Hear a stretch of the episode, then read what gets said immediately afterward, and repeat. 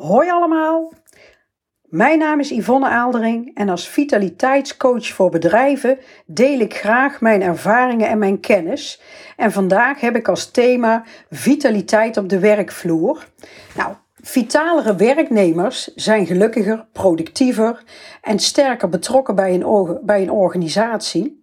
En je ziet dus ook dat een hoge vitaliteit onder werknemers, dat heeft gewoon voordelen voor een bedrijf. En voor de werknemers zelf uiteraard, want het mes snijdt altijd aan twee kanten. Nou, en in deze podcast geef ik graag praktische tips om die vitaliteit onder jouw medewerkers te stimuleren. Maar allereerst, wat is vitaliteit? Kijk, vitaliteit betekent letterlijk de mate waarin iemand krachtig en energiek is. En ook levenskracht, levenslust, werkkracht, dat zijn allemaal synoniemen van vitaliteit. En soms wordt vitaliteit gezien als gezond zijn, maar het is eigenlijk een overtreffende trap daarvan, want vitaliteit gaat er echt om dat jij meer uit het leven kan en wil halen.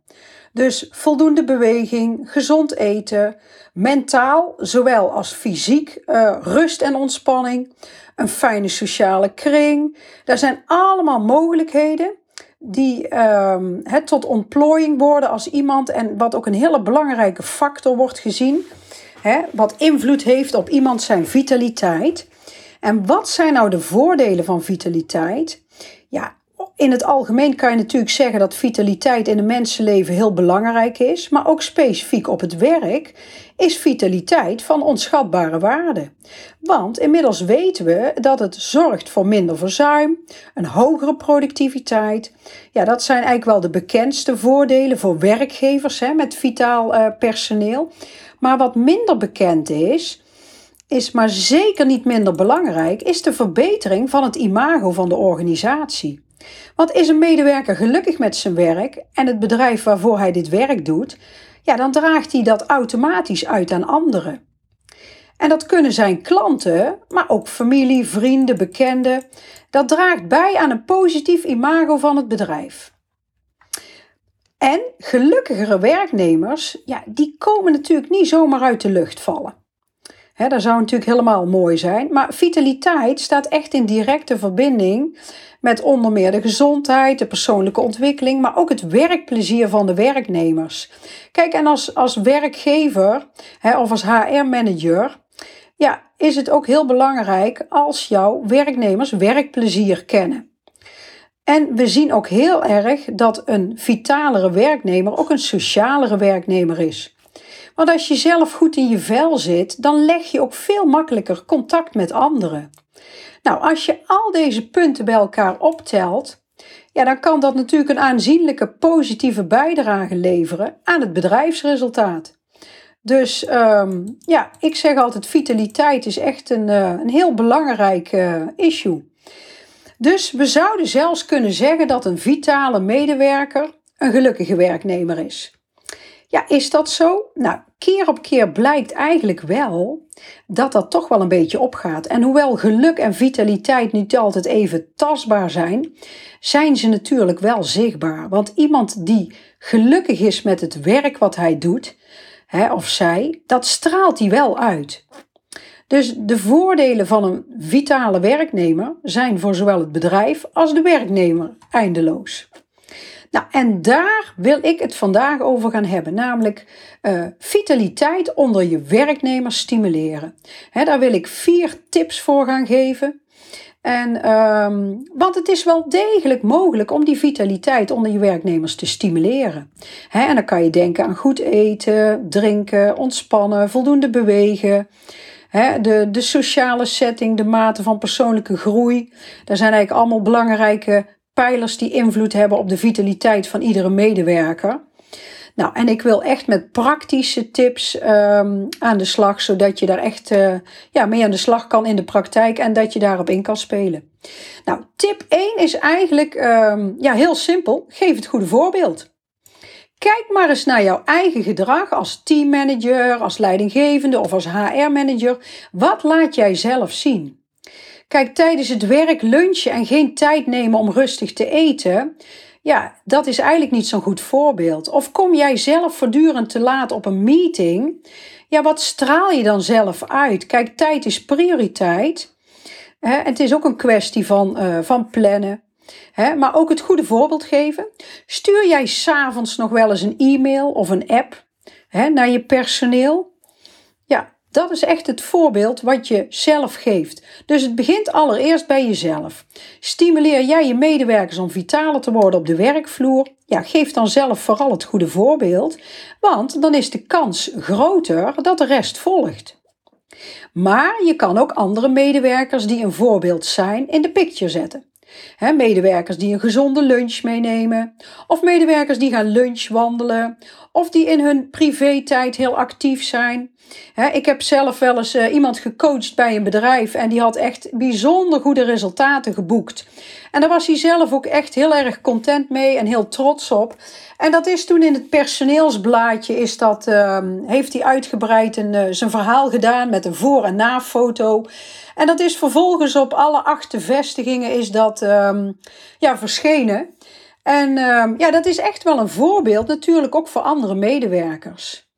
en zo kan je natuurlijk uh, dingen in het personeelsblad of op intranet, uh, laat je bij de nieuwtjes, kan je andere medewerkers inspireren met het voorbeeld van een medewerker ja, die uh, een gezonde leefstijl erop nahoudt. Nou, tip 2 is stimuleer voldoende beweging. Hetzelfde wat voor inspanning en ontspanning geldt, geldt ook voor stilzitten en bewegen. wanneer mensen voor een langere periode in dezelfde houding of op dezelfde bureaustoel zitten, dan gaat dat ten koste van de vitaliteit van die werknemer.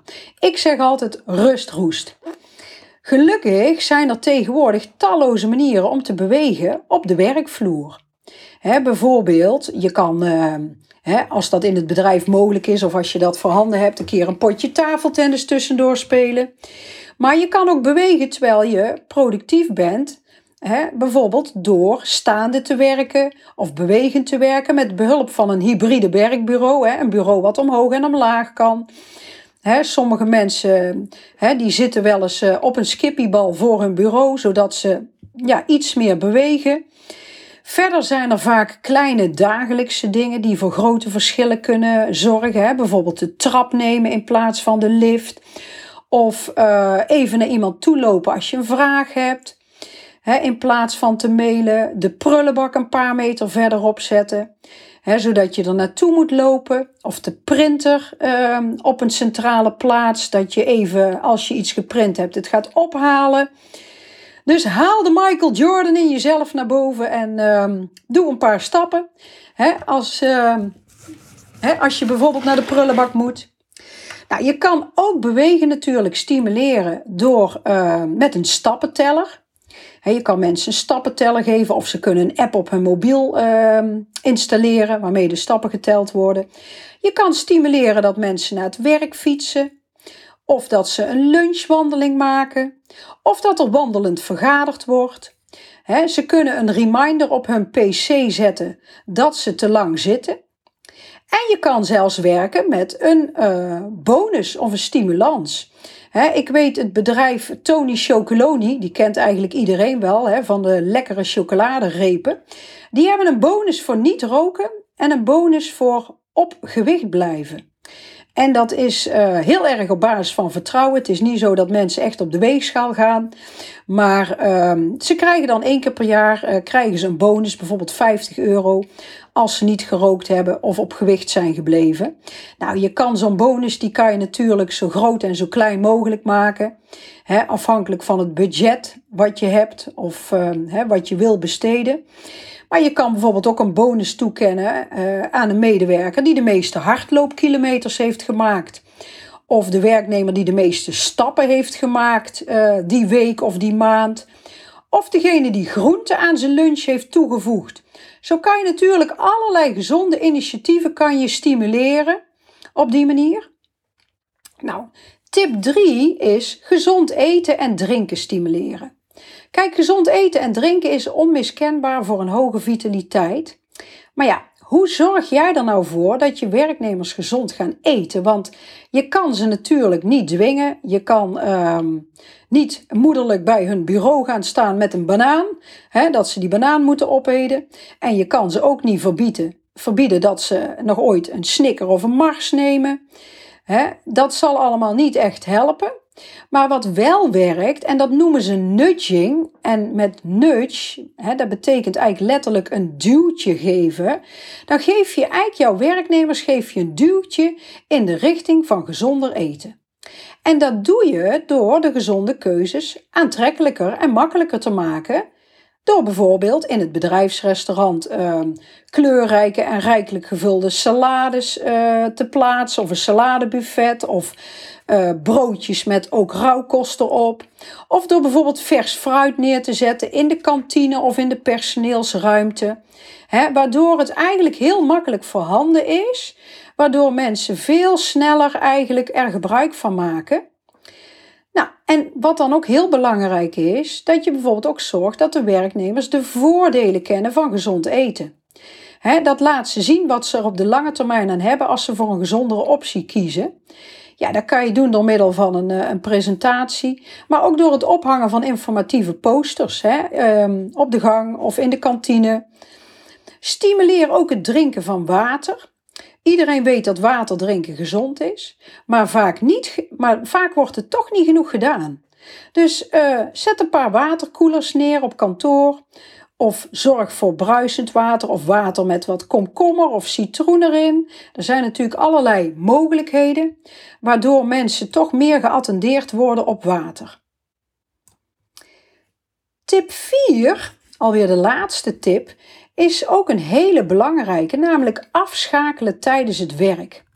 Ook tijdens jouw werkdag kun je mini-afschakelmomentjes inlassen, want uit onderzoek is gebleken dat dit zorgt voor verhoogde productiviteit en creativiteit, maar ook voor stressverlaging, minder werkdruk.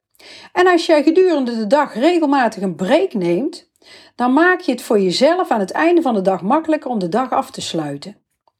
Nou, en wat zijn nou voorbeelden van zo'n mini-afschakelmomentje? Ja, dat kan natuurlijk zijn een uh, kopje koffie of thee zetten of wat te drinken gaan halen. even vijf minuten niks doen. Even naar buiten kijken terwijl je je kopje koffie of thee opdrinkt. En niet uh, allemaal op je mobiel gaan zitten, want een mobiel is ook een soort flipperkast voor je hersenen en dan blijf je nog heel actief in je hoofd dus dan kun je nog steeds niet echt even bijtanken. Maar een blokje om zou nog een optie zijn. Ehm, mensen kunnen ook een korte ademhalingsoefening doen of een meditatie of een korte beweegbreek. even een paar oefeningen of een keer de trap op en neer. Nou, en met zo'n mini-afschakelmomentje, dan geef je eigenlijk gewoon je hersenen de tijd en de ruimte om bij te tanken. Met als gevolg dat je daarna vaak weer met een uh, frisse blik, energiek en productief aan de slag kunt. Dus um, ja, het is echt aangetoond dat dat heel belangrijk is en dat dat echt werkt. dus daarom is het ook belangrijk dat je stimuleert bij je medewerkers dat ze ook echt pauzes nemen. Pauzes om hun lunch te eten en um, om eventjes af te schakelen. Want um, we zien dat vaak in de productiviteit terug. Nou, ik hoop dat jullie aan deze tips wat gehad hebben. En ik zou zeggen, ga er vooral mee aan de slag. Pas het toe. Pas het toe voor jezelf of eventueel voor je medewerkers. En um, ja, ik zou zeggen, tot een volgende keer. Mocht je nog wat meer informatie over mij willen, kijk ook gerust een keer op mijn website www.ivofit.nl. En um, tot ziens!